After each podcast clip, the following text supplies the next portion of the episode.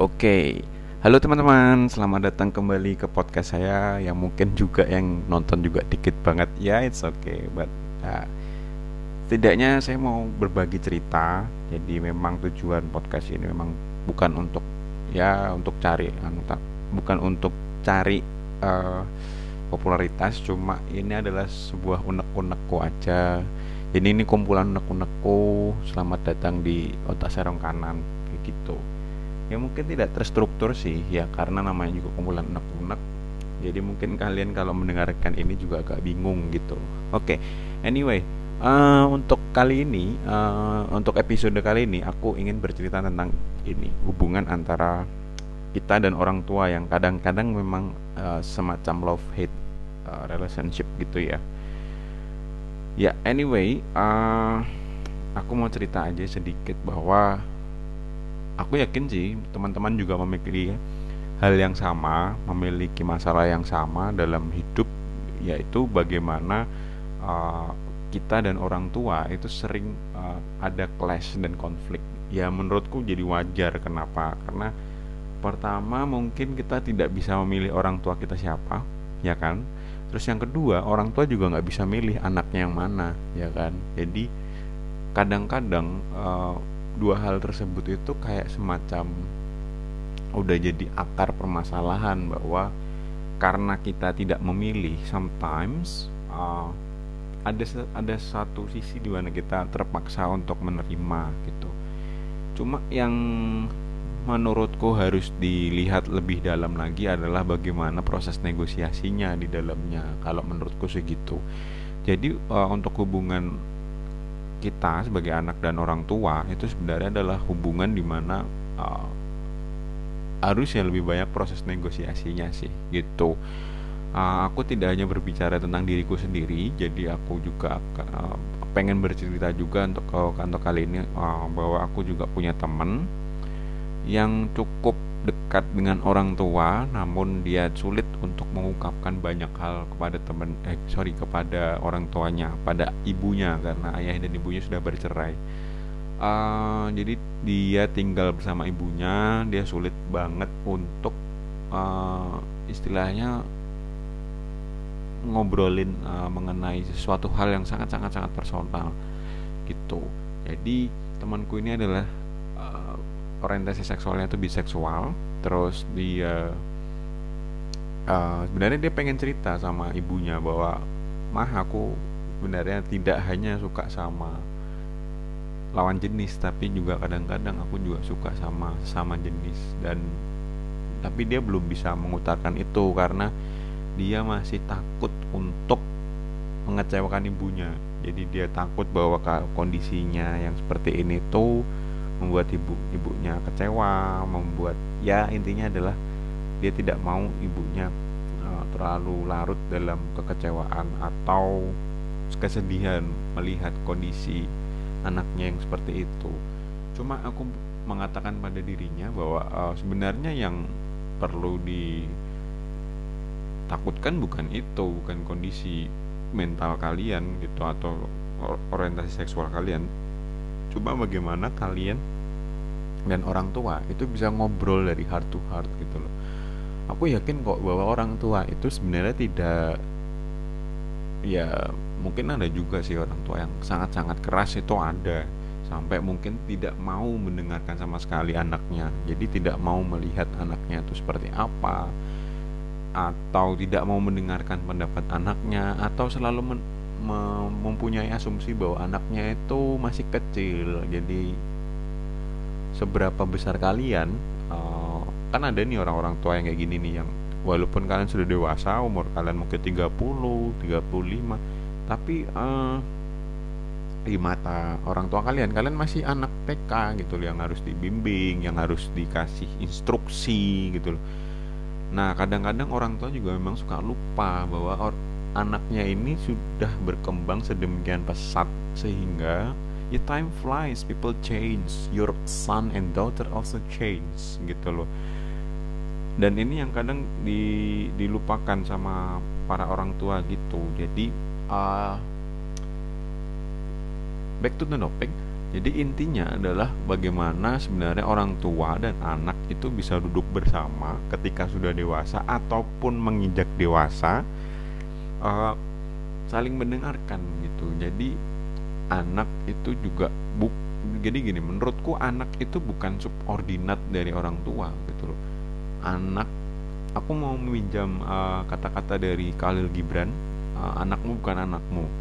Itu keren sih kalimat anakmu bukan anakmu itu adalah bahwa untuk menunjukkan bahwa anakmu yang kamu lahirkan itu kemungkinan juga tidak sepenuhnya milikmu gitu dalam artian apa dalam artian bahwa anak yang mungkin dibesarkan oleh orang tua itu bukan sesuatu yang kalian miliki, bukan sesuatu yang ada copyrightnya bahwa kamu milikku, tidak ada posisivitas di situ.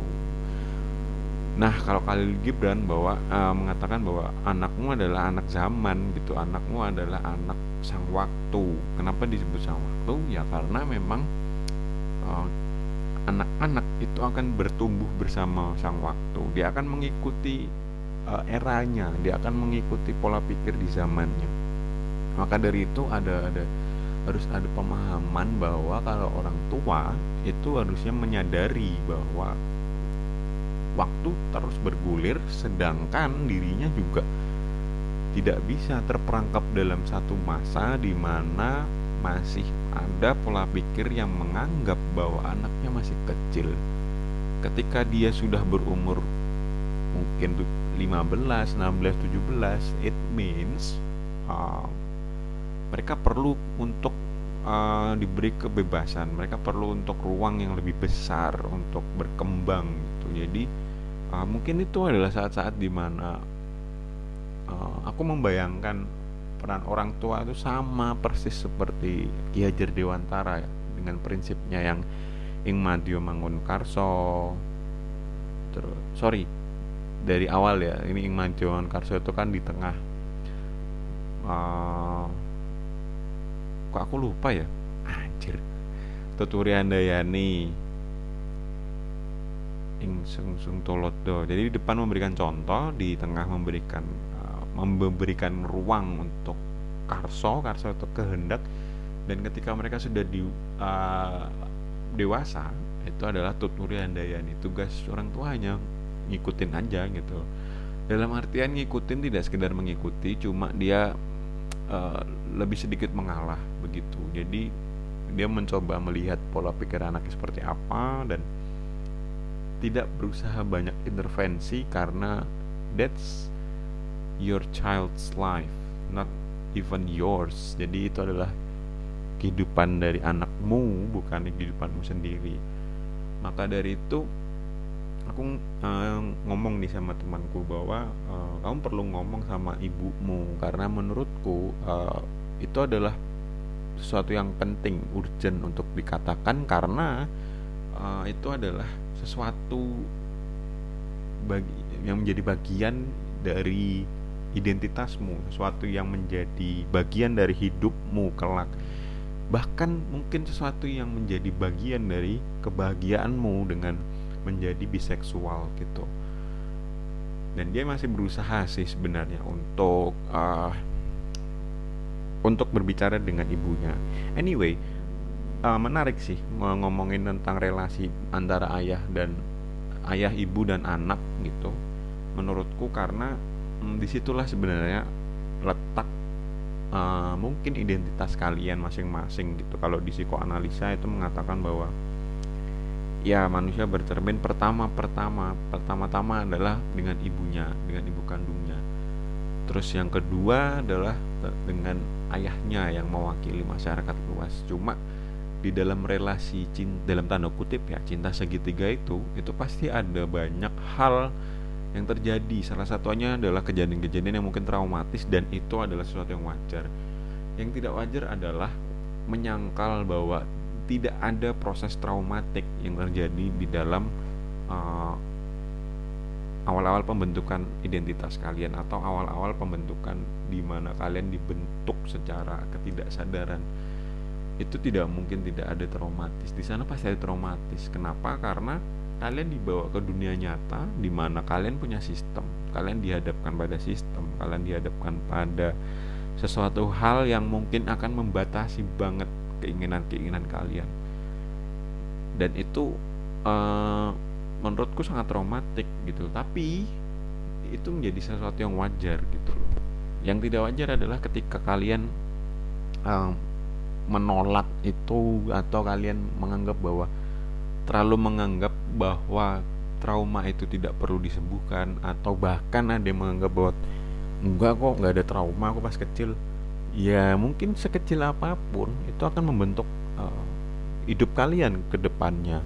Maka dari itu uh, dengan podcast ini aku mau kasih mungkin ya yang yang paling sulit di dalam hidup ini adalah mungkin ketika itu terlalu menyakitkan bagi kalian kalian justru melupakan itu. Karena kalau boleh jujur ya uh, aku adalah orang ternyata aku adalah orang dengan tipikal pemikiran yang seperti itu. Dalam artian begini teman-teman. Jadi kalau ada sesuatu yang menyakitkan aku cenderung untuk melupakan. Nah ketika aku uh, dewasa ternyata aku tidak mengingat lagi aku tidak mampu mengingat hal-hal yang terjadi ketika aku kecil. Aku tidak tahu dan aku tidak paham kenapa ketika aku masih kecil aku tidak ya pengalaman-pengalaman yang sedemikian banyak itu cuma tersisa sedikit gitu loh. Cuma tersisa residunya aja dan lebih banyak banyak pengalaman-pengalaman yang masuk dalam alam bawah sadarku lebih banyak pengalaman atau uh, kenangan yang banyak kesedihannya daripada kebahagiaannya aku nggak tahu. Dan yang hanya itu yang ku ku ingat gitu loh. Dan aku sekarang lebih banyak uh, jadi gampang lupa sih. Jadi efeknya adalah ketika aku dewasa aku gampang lupa karena itu kayak automatically terjadi ketika aku berpikir gitu. Jadi ketika aku memang sudah suntuk sudah overload aku kayak semacam jadi orang yang oh, ya udah otomatis begitu mengerjakan hal yang semua otomatis. Dan itu tidak ada yang nempel sama sekali kenangannya. Bahkan kadang-kadang ada ada hal-hal yang terlupakan di satu atau dua hari begitu. Itu agak sedikit parah sih. Oke okay, anyway kita balik ke hubungan uh, orang tua dan anak tadi ya. Di sini aku bukan untuk ngasih wejangan sih uh, bahwa orang tua harus seperti ini anak seperti ini enggak. Cuma aku ingin mengajak para pendengar yang serong kanan ini untuk melihat lebih lebih dalam lagi bahwa sebenarnya ada sesuatu di balik hubungan kalian dengan orang tua. Yang mungkin itu sangat berpengaruh pada perkembangan kalian. Dan sadarilah bahwa itu adalah sesuatu yang normal gitu. Tidak oh, ada kata-kata yang bagus. Sebenarnya orang tua itu sebenarnya tidak selalu benar. Dan, dan sayangnya tidak semua orang tua meyakini bahwa mereka itu tidak selalu benar. Kadang-kadang ada orang tua yang meyakini dirinya adalah yang paling benar. Ini ini tipikal orang tua yang agak sulit sih sebenarnya karena uh, ketika mungkin kamu sebagai anak menghadapi orang tua yang menganggap dirinya selalu benar dan ketika kalian sebagai anak melihat orang tua anda melakukan sebuah kesalahan itu kayak semacam di dalam diri anda kayak bergejolak gitu. Ini salah nggak ya? Ini salah nggak ya? Gitu. Jadi kalian menjadi tumbuh menjadi orang yang peragu jadi kalian tumbuh menjadi orang yang mungkin tidak punya decision maker yang kuat gitu. Kenapa? Karena kalian tidak pernah diberikan kebebasan gitu karena kalian harus uh, menganggap bahwa yang yang benar itu yang yang orang tua katakan gitu. Dan ketika kalian membutuhkan orang tua itu butuh waktu. Nah itu loh. That's why eh, orang-orang uh, yang mungkin tumbuh di bawah orang tua yang cukup uh, apa ya aku bilangnya supaya tidak terlalu menyinggung otorit otoriter mungkin atau mendominasi gitu. Jadi orang-orang tua yang mungkin sangat mendominasi anaknya itu akan mempengaruhi ke sisi mental anaknya di mana anaknya mungkin bisa jadi sangat inferior atau ketika tidak ada orang tua dia sangat superior gitu. Atau ya karena aku yakin bahwa superioritas dan inferioritas itu cuma hal yang sama cuma beda kutub aja jadi mereka seakan-akan tidak bisa mengendalikan hal-hal yang ada di dalam dirinya kenapa karena memang mereka tidak pernah diberi keleluasaan untuk mengendalikan dirinya sendiri karena mereka selalu dikontrol oleh orang tua. Oke, begitu sih. Jadi uh, hubungan orang tua dan anak ini menarik sih menurutku. Aku nggak tahu teman-teman gimana. Cuma uh, ya memang akhir-akhir ini aku sedang memikirkan itu karena memang aku memikirkan ulang diriku di usia aku yang 30 tahun ini. Uh, ke depannya mau gimana? Sebagai seorang manusia yang su tentunya sudah amat dewasa karena umur 30 tahun. Tetapi di sisi lain aku juga harus memikirkan bahwa uh, aku akhirnya menyadari juga bahwa banyak hal yang terjadi di dalam diriku dan belum diselesaikan. Salah satunya adalah relasi antara orang tua dan anak ini gitu loh memahami ini terus bagaimana sih ke depannya ketika kamu harus uh, overcome kamu harus menghadapi hal-hal yang demikian begitu. Oke mungkin gitu dulu aja. Kalau teman-teman ada pendapat silahkan komen silahkan uh, ya terserah lah kalian mau ngapain juga. Tapi ini pendapatku. Jadi kalau kalian suka silahkan like subscribe share atau apa pun itu uh, di channelku di otak serong kanan di Spotify. Oke, terima kasih teman-teman sudah mendengarkan. Kita bertemu di kegelisahan-kegelisahan berikutnya. Dadah.